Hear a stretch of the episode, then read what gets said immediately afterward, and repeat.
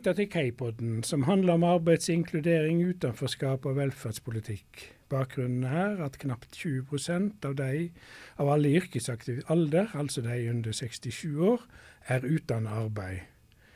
De politiske målene er å hindre at folk skal ramle ut av arbeid, og få flere av de som er utenfor, i arbeid, men samtidig å sikre, sikre stønad til de som ikke kan arbeide.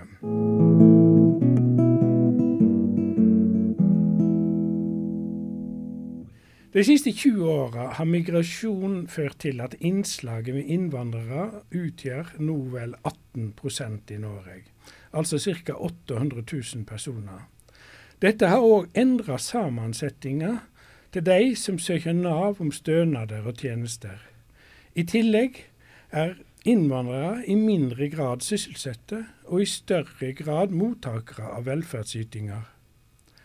Dette gjelder særlig flyktninger og familieinnvandrere. Og vi spør hva for utfordringer stiller større språklig og kulturelt mangfold Nav overfor? Med meg i studio er Cecilie Glomsæt, religionshistoriker og seniorrådgiver i Nav. Og siden 2008 har Cecilie arbeidet med integrering i ulike roller i Nav. Velkommen, Cecilie. Takk skal du ha. Altså Vi bruker dette begrepet innvandrere, eller av og til også personer med innvandrerbakgrunn. I hva grad er det meningsfullt å snakke om dette som ei gruppe?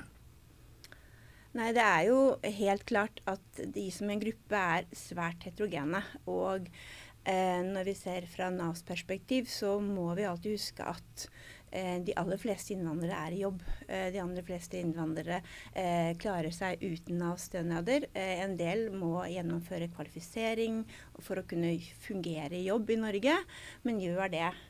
Men så ser vi også når vi snakker om dette i Nav, og dette som en gruppe i Nav, så er det fordi de har en del Det kan være en del fellestrekk som dette med å ha migrert medfører. Ja, Migrert det betyr jo da på en annen sett at de har flytta over landegrenser. Betyr hva land de kommer fra, er det en viktig informasjon for dere som jobber i Nav? Både ja og nei. Eh, jeg tror nok det er veldig lett at eh, Nav som andre, eh, når vi først deler opp innvandrere, deler man hvor de kommer fra. Og da er det jo det de, å se på hva er årsaken da, til at eh, hvor folk kommer fra til Norge, viser seg sånn statistisk sett å påvirke muligheten for jobb. Men så blir det da på individnivå hva er det som gjør at det å komme fra eh, Si at du kommer fra Eritrea eh, kan gi noen utfordringer som man kanskje ikke ser på hvis man kommer fra land som eh, ligger i Europa f.eks. Ja, så Erfaringene de har fra det landet, som, sammen med årsaken til at de har flytta, det er viktig informasjon. Er det slik å forstå? Ja, det er liksom mange faktorer, da. Ja, eh, hvor, si, hvordan, hva slags situasjon er det i landet man kommer fra? Altså rett og slett Er det krig, er det fred? Eh, og som kan gjøre at folk må flykte, men som også gjør at man kan ha eh, erfaringer fra før man migrerer som, som, som påvirker en. Eh, men, men, det kan også være at man kommer fra et land eh, som det ikke er krig, men man kommer fra et land som er veldig ulikt Norge. Og det kan jo være både samfunnsstruktur, men sånn som dette med kjønnsrolle, likestilling og sånne ting, gjør jo at eh, overgangen fra hvor man kommer fra til et liv i Norge, det vil variere. Felles for disse, da, er det språklige utfordringer. Er det, er det, riktig at man i Nav av og til snakker om denne gruppa som de som har mangelfulle norskferdigheter? Ja, eh, vi kategoriserer ikke sånn at det eh, bare med det begrepet. Men når vi snakker om eh, innvandrere, så er det ofte det som kommer opp. Man, man, kan si de som har eh, mangelfull kompetanse for å møte arbeidslivets krav, og særlig de med norske utfordringer. At man, eh, utfordringer som har lave norskferdigheter. Så, så det, det, er en måte man kan omtale det på, men som det er vel kanskje der jeg er, er spesielt eh, mm, eh, opptatt av at vi ikke må forenkle det til å være bare det. Nei. Eh, det er sentralt, men det er så mye mer enn det. Ja. Men det er det også? Mm, ja, absolutt. Ja, så, så, vi skal snakke litt om dette med, med, med, språk først. hva er de språklige utfordringene som, som først og fremst frontlinja i Nav møter? Hvordan vil du beskrive de? Jeg tror vi kan se det på flere måter. Det ene er jo eh, språkferdigheter tilstrekkelig til å kunne kommunisere eh, med Nav til å kunne eh, eh, finne og forstå informasjon. Altså, vi baserer oss jo mye på at folk skal kunne finne dette på, på, på, på nettsidene våre. Eh, men også da eh, så kommuniserer vi ofte digitalt, men vi også da, når det er behov for det, så skal man jo da møte mennesker. Og, og, og da er jo eh, kartlegging, veiledning, motivasjonsarbeid og sånn er jo helt avhengig av en god kommunikasjon og en god gjensidig forståelse. Så det at en person har tilstrekkelige norskferdigheter for å kunne eh, nyttiggjøre seg eh, og finne fram og ha dialog med Nav, det er den ene måten altså vi kan se på språk på. På den andre siden så er det å ha tilstrekkelige norskferdigheter til å fungere i arbeidslivet. Eller kunne nyttiggjøre seg eh, kvalifiserende tiltak, mm. f.eks. Mm. Så det er jo både å kommunisere altså, og det å kunne se og, om, om, man har tilstrekkelig, eller om det er der eh, er, om det er en av de punktene som Nav må bidra inn med da, for å øke muligheten til å men, men få hvis, jobb. Men hvis dere i Nav har problemer med å kommunisere med, med vedkommende av språklige grunner, eh, gjør dere bruk av tolk da? Er Det, eller, eller hvordan fungerer det? Jeg er veldig glad for at du spør meg om det. Det er en av de tingene jeg jobber mye med nå om dagen. Det er å sikre at Nav eh, bruker tolk når det er nødvendig for å ha forsvarlig kommunikasjon. Eh, eh, vi, man, Norge får jo en egen tolkelov fra 1.1, og vi er veldig opptatt av hva den betyr for Nav. Eh, og, og, det må man se på i alle nivåer av Nav for å sørge for det. Og, og det eh, Nav, som andre etater, har ikke vært gode nok. Vi har et underforbruk på bruk av, av tolk, og, men det er veldig viktig å bruke det og ha eh, gode tolketjenester tilgjengelig. Eh, men også at våre veiledere kan vurdere da, når holder det med at jeg snakker tydelig, og når må jeg ha en tolk. Og det er ikke et enten-eller. Så det baserer seg både på at ja, vi må bruke tolk, men vi må kunne vurdere behov, og vi må kunne bruke tolk på en god måte. Så det er et veldig viktig eh, fokus vi har i Nav nå, og noe som jeg jobber mye med. For at vi må bygge denne bevisstheten om bruken og kompetansen på bruken. Men, men kan det være vanskelig å avgjøre språkkompetansen til den en står overfor? Altså når en skal eh, be om hjelp i form av tolk? Ja, ja, det tror jeg. Jeg tror det er ikke lett. Og kanskje er det også sånn at øh, hvis man jobber mye med mennesker som har innvandrerbakgrunn, man er, blir litt vant med at ikke folk snakker så bra norsk. Man forenkler en del. Og så blir det sånn, og det å da ha med seg en bevissthet om når forenkler jeg for mye, og, og, og når på, er det sånn at jeg, bare jeg snakker, men at den, kanskje ikke den personen det gjelder, eh, har nok språkkompetanse til å få lagt fram sin sak. Så, så det, det, er ikke bare bare å si bra norsk, dårlig norsk. Vi må ha, det her, handler om både bevissthet, men å ha god kompetanse på å identifisere eh, dette behovet for at nå, nå trenger vi faktisk en tolk. Og så er det det at tolk er også kontekstuelt. Altså du kan ha eh, personer som klarer seg fint i hverdagen. De klarer seg fint med at hvis vi skal møtes, jeg følger opp en bruker som er eh, på en arbeidspraksis eller noe sånt, det fungerer greit. Men så kan det være at det kommer opp tema, som f.eks. helse, som gjør at nei, nå blir det for avansert. Og da må man bruke tolk, kanskje i noen spesifikke tilfeller der man ikke trenger det ellers. Så, så, så dette er noe som jeg virkelig det, hvis vi får til det, så kan vi få eh, sikre eh, gode tjenester til alle på en, på en, god måte. Du nevnte i stad at også uh, språklige kunnskaper eller uh, ferdigheter i norsk er viktig i forhold til arbeidslivet. altså uh, Hvor viktig, altså hvor, hvor, sentralt er dette språkelementet i forhold til arbeidsmarkedet, og eventuelt at de skal bli selvforsørga der? Det, det, er, det er veldig, veldig viktig. Og, eh, og, man ser jo det for, for arbeidsgivere, eh, at det er en veldig forståelig skepsis hvis man er, eh, skal ansette noen man ikke er sikker på om, om, om forstår alt. Og, og, at det er det nå de vil være først vil være opptatt av. Men da igjen så er det jo det som, som jeg pekte på i stad, at eh, det kan kanskje være veldig lett å peke på manglende norskferdigheter. At, at kanskje det er eh, ufarlig. Her er det nok ikke bra nok norsk. Men det kan, kanskje er det noe annet som både på, som påvirker kommunikasjonen. Eh, at man kanskje ikke forstår helt uh, rollen man har. Man, man, forstår ikke konteksten. Eller man kulturelt sett kanskje ikke eh, vil si fra eh, når man ikke forstår.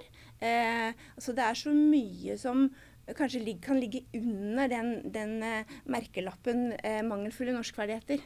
Eh, og, det, det, tenker jeg at eh, i dialogen med arbeidsgivere, så, så, kanskje er det Nav som må stille de gode spørsmålene for å se at kanskje er det noe annet enn bare norskferdigheter som det trengs å snakkes om. Og hvis vi i Nav har god kompetanse og er trygg på å snakke om en del av disse temaene Det at det norske arbeidslivet og koden i det norske arbeidslivet er ganske avvikende fra veldig mange andre land. Eh, og, og, at det kanskje kan være de tingene Eh, og kunne snakke høyt om det som kan gjøre at noen kan fungere bra. Eh, kanskje selv om ikke norskferdighetene er perfekte, men også at det er eh, at de faktiske utfordringene ikke kommer opp hvis man bare forklarer det med norsk. Et inntrykk man kan få fra norsk arbeidsliv i dag, det er at engelsk er blitt et nesten like viktig språk å beherske som norsk.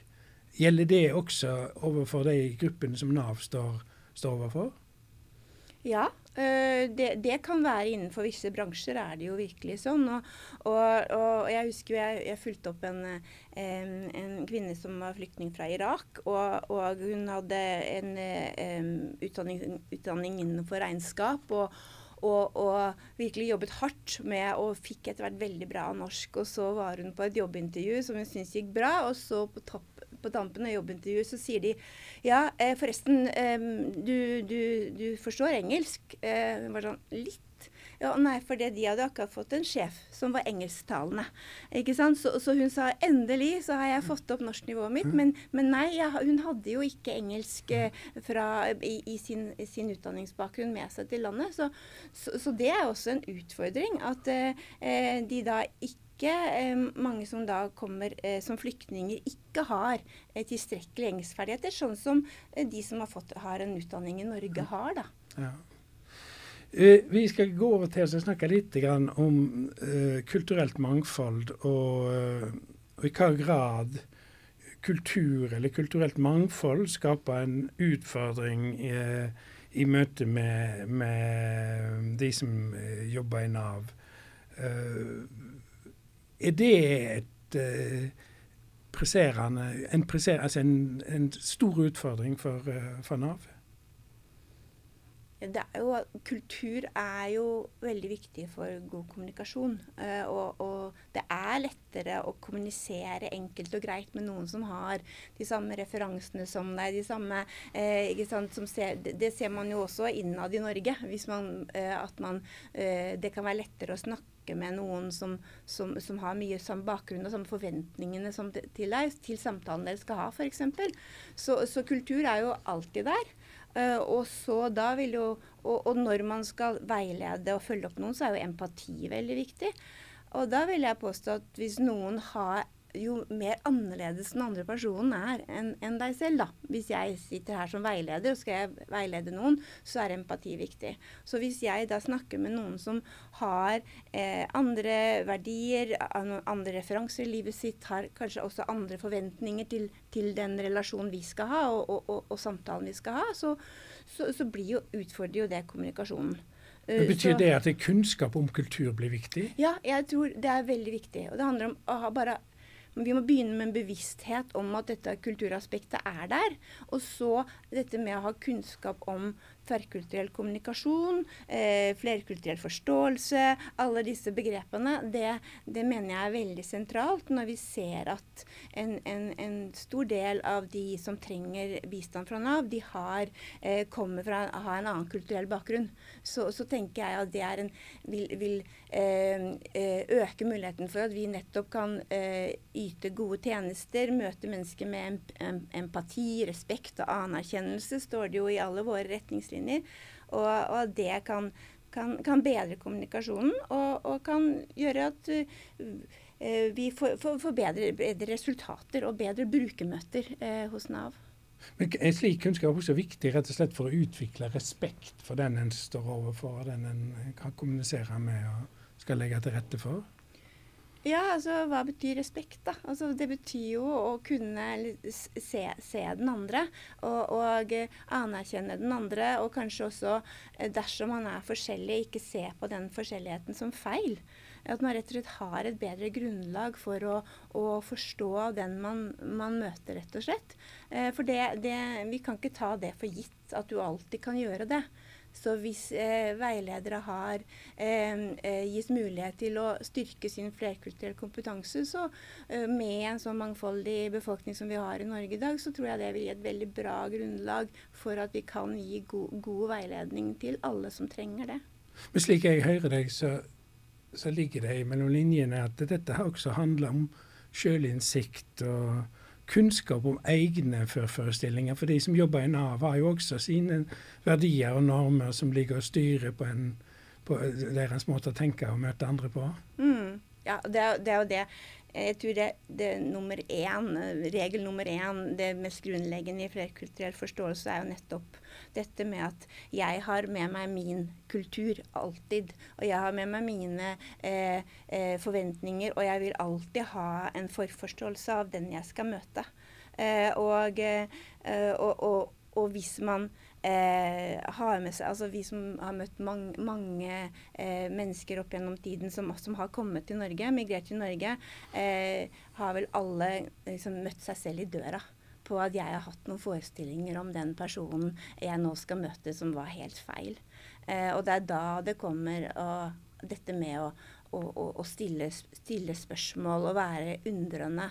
Og, og nettopp å ha med seg eh, den bevisstheten innom at kanskje, kanskje har jeg en, en, en eh, forutinntatthet som preger disse møtene. Preger hva jeg ser, preger hva jeg spør om, og hvilke muligheter jeg tror denne personen har. Det, jeg, det gjør vi alle. Derf, og derfor så må vi eh, ha en bevissthet om det. Ja, men det er vel også sånn da at, eh, at en ikke bare trenger kunnskap og forståing om kultur og sånne ting, men det er vel også de facto slik at uh, kulturelle normer kan støyte mot de normene og verdiene som er sentrale i den norske velferdsstaten. Og i hva grad er det en utfordring for de ansatte i Nav? Det kommer jo opp av og til. Og det er litt sånn periodemessig. Og det har også vært litt sånn hva som Både hva som har vært i media, men jeg tror nok også det er mange samtaler om det temaet rundt omkring på Nav-kontorene. Ikke sant? Om, om eh, eh, Det kan være brukere som kan vise til at det er visse typer arbeid man ikke vil utføre. Det kan være noen som uttrykker holdninger som eh, kanskje går på dette med kjønnsroller, som stanger imot ikke minst det at vi er vi lever i et veldig likestilt land, uh, som kan være veldig uvant for en del mennesker som er mer vant med å tenke forskjell på kjønnene.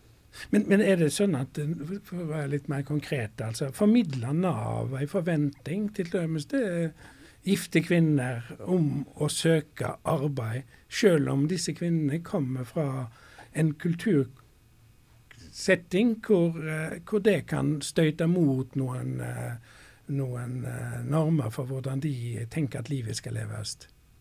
Altså, ja. altså, Arbeidslinja legger jo noen føringer for arbeidet i, i Nav. Mm. Og, det, og, og, det, er jo det som kanskje er veldig spesielt med Norge. At vi har helt like forventninger til menn og kvinner. At man skal ut i yrkeslivet, og at målet skal være at man kan forsørge seg selv. Mm. Eh, og at det er kanskje en av de største eh, forskjellene med, med veldig mange land. Eh, og man behøver ikke ut av Europa for at, man, at for noen så vil det være mer naturlig for en kvinne eh, å, å, ikke jobbe. Eh, og, og, og da er jo det viktig at det er det som er normen i Norge. Men i veiledning da å ha en forståelse for at eh, hvis noen har vokst opp i et annet land der normen nettopp er at eh, man, man tar, har omsorg for egne barn, der identiteten er knytt til å være den omsorgspersonen i familien. og ikke til å tenke å jobbe ute eller gjøre karriere osv., så, videre, så er det en prosess. Ikke sant? Og det at man da eh, må, må, man, man, må, ha det utgangspunktet, at dette kan være en prosess. Og hvordan skal vi, vi snakke om det? Eh, og jeg, jeg, ikke, jeg, ikke opplevd at noen sånn uttalt har sagt at eh, nei, eh, jeg vil ikke jobbe, jeg vil bare være hjemme og passe barna mine. For jeg tror jeg man fort fanger opp i Norge at det er her må alle jobbe. Men, men det å, å, faktisk være med på den prosessen selv, og kunne gjennomføre en kvalifisering, stå i arbeid, og ikke minst da justere hvor mye energi man bruker på hjemmebane, mm. det, det, er, det, er, en, en, en, en krevende prosess. Og de som gjør det, er jo det er jo imponerende at man, man, man kan uh, man klarer å gjennomføre den prosessen. da. Og man klarer å gjennomføre sånne prosesser? Ja, ja, og jeg tenker det er også det kjønnsaspektet ved migrasjon og integrering syns jeg er veldig interessant. At man, Det kommer veldig opp på innvandrerkvinner har så lav sysselsetting eh, statistisk sett. Men, men, det at man i migrasjon så ser man jo at kvinnene får jo eh, ofte en økt omsorgsbyrde for å ivareta hele familien og barna i en sånn migrasjon- og integreringsprosess, og se at alle har det bra. Mm. ikke sant? Og, og, og ofte har eh, en mye større byrde når det gjelder eh, arbeid i hjemmet og de omsorgsoppgavene. Men de har jo de samme rammene for å kvalifisere seg og lære seg norsk og komme i jobb som mm. mennene har. Som kanskje da kommer med et annet utgangspunkt hvis, hvis rollefordelingen er sånn at mannen er ute og jobber.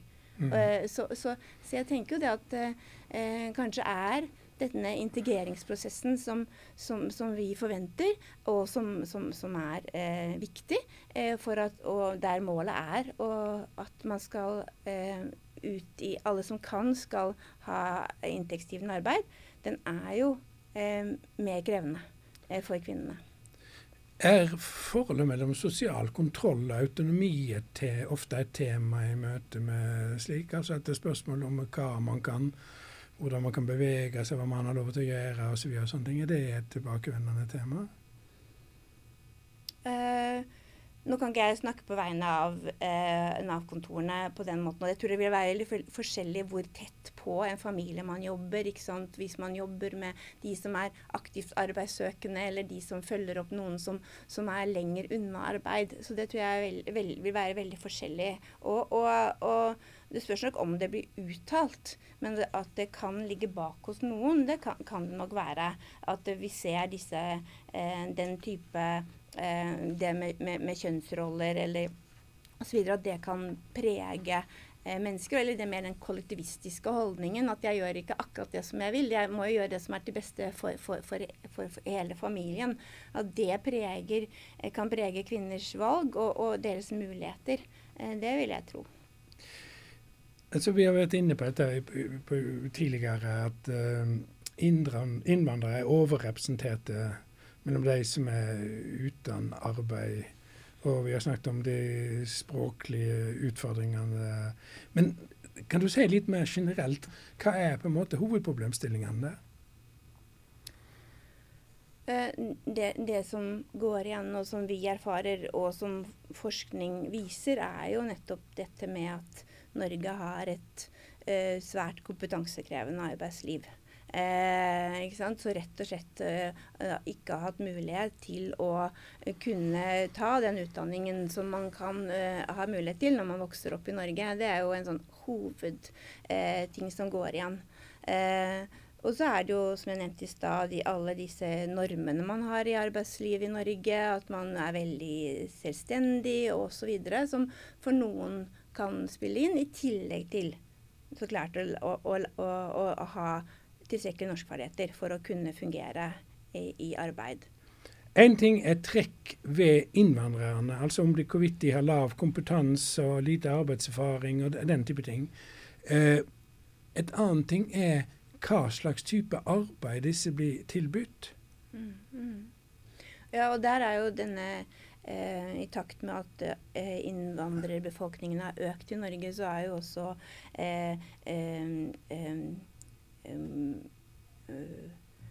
etterspørselen etter, etter uh, ufaglært arbeidskraft, altså type yrker der man ikke trenger utdanning, den er jo i fritt fall. Altså det er veldig mange yrker som, som forsvinner. Så det, å, uh, det, det, bidrar jo nettopp til uh, dette med at, at det kompetansegapet blir større. Men så er det jo også de yrkene der man kan få jobb enkelt uten å ha en, en, en god utdanning og god norsk. Eh, så, eh, så, er jo også det ofte fysiske yrker, krevende yrker, som det er vanskelig å stå i over tid. Eh, og, det, og da, hvis man da ikke har eh, utdanning eller norsk erfaring som gjør at man kan kanskje stige litt i graden. ikke sant? At man kan gå over fra det mest fysisk tunge til å begynne å fungere litt mer administrativt, ikke sant? som fa formann osv., så videre, sånn som man ofte har gjort da, i de tradisjonelle eh, sånne håndverksyrker og sånn, så, så, blir man, så, blir man, stående i det tunge arbeidet i, i veldig lang tid. Og da er det jo eh, Så det er en av grunnene til at eh, man da, da faller ut igjen. En av mange. Men det, jeg leste en sted altså at uh, som hadde sett på uh, flyktninger, altså hvorfor de faller ut. Og, og, og, og, når de hadde sett litt nærmere etter, så var det jo egentlig nesten ingen som hadde vært i noe skikkelig ordinært arbeid.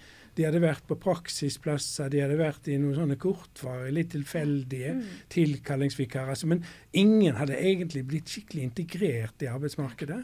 Nei, og det er jo det med den, den randsonen, at man bli, kommer inn i randsonen, eh, og så blir man der, og så faller man ut igjen.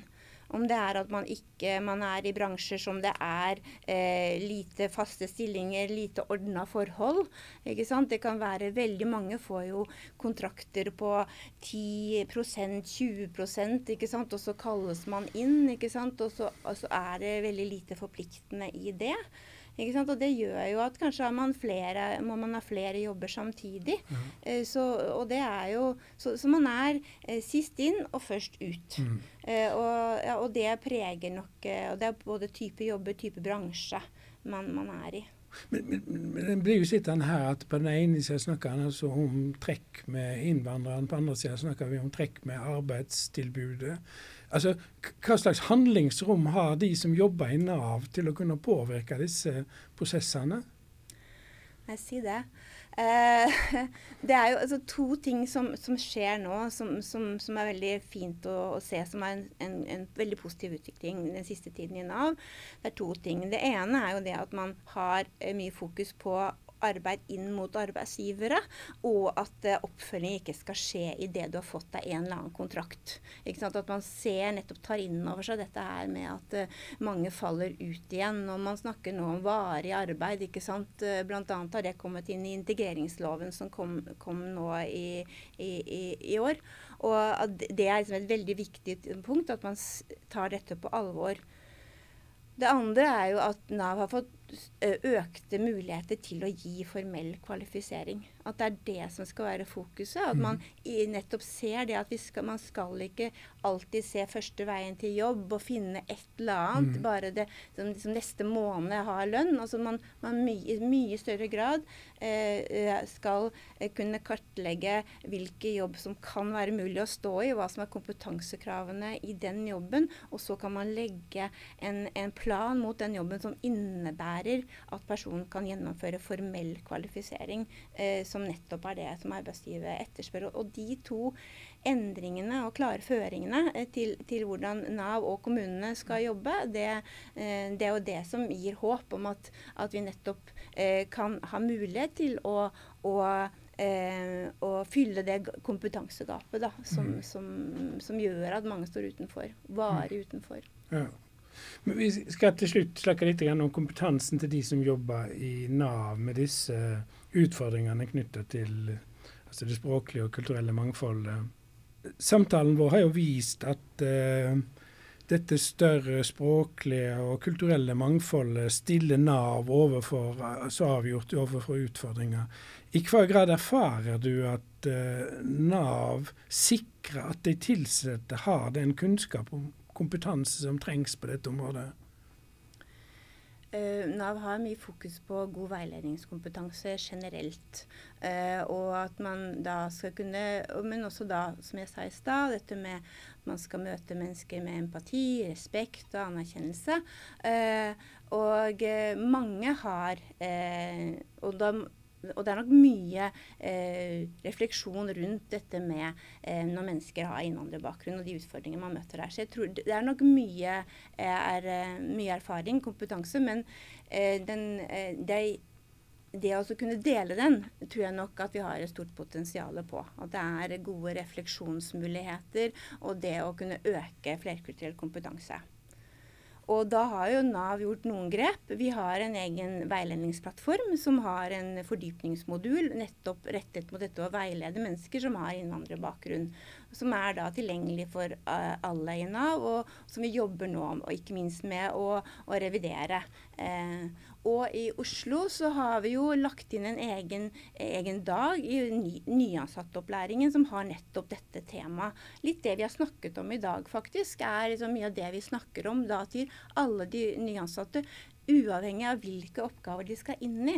Så det kan jo kanskje også være til inspirasjon. Eh, og, og, en del andre fylker har også sett på dette. Så, så jeg tror da at det er, er, på vei inn, og at man ser på det både når det gjelder å kvalifisere de som blir ansatt i Nav, men også det å ha eh, mulighet for å faglig påfyll og refleksjon i det daglige arbeidet eh, rundt omkring på Nav-kontorene.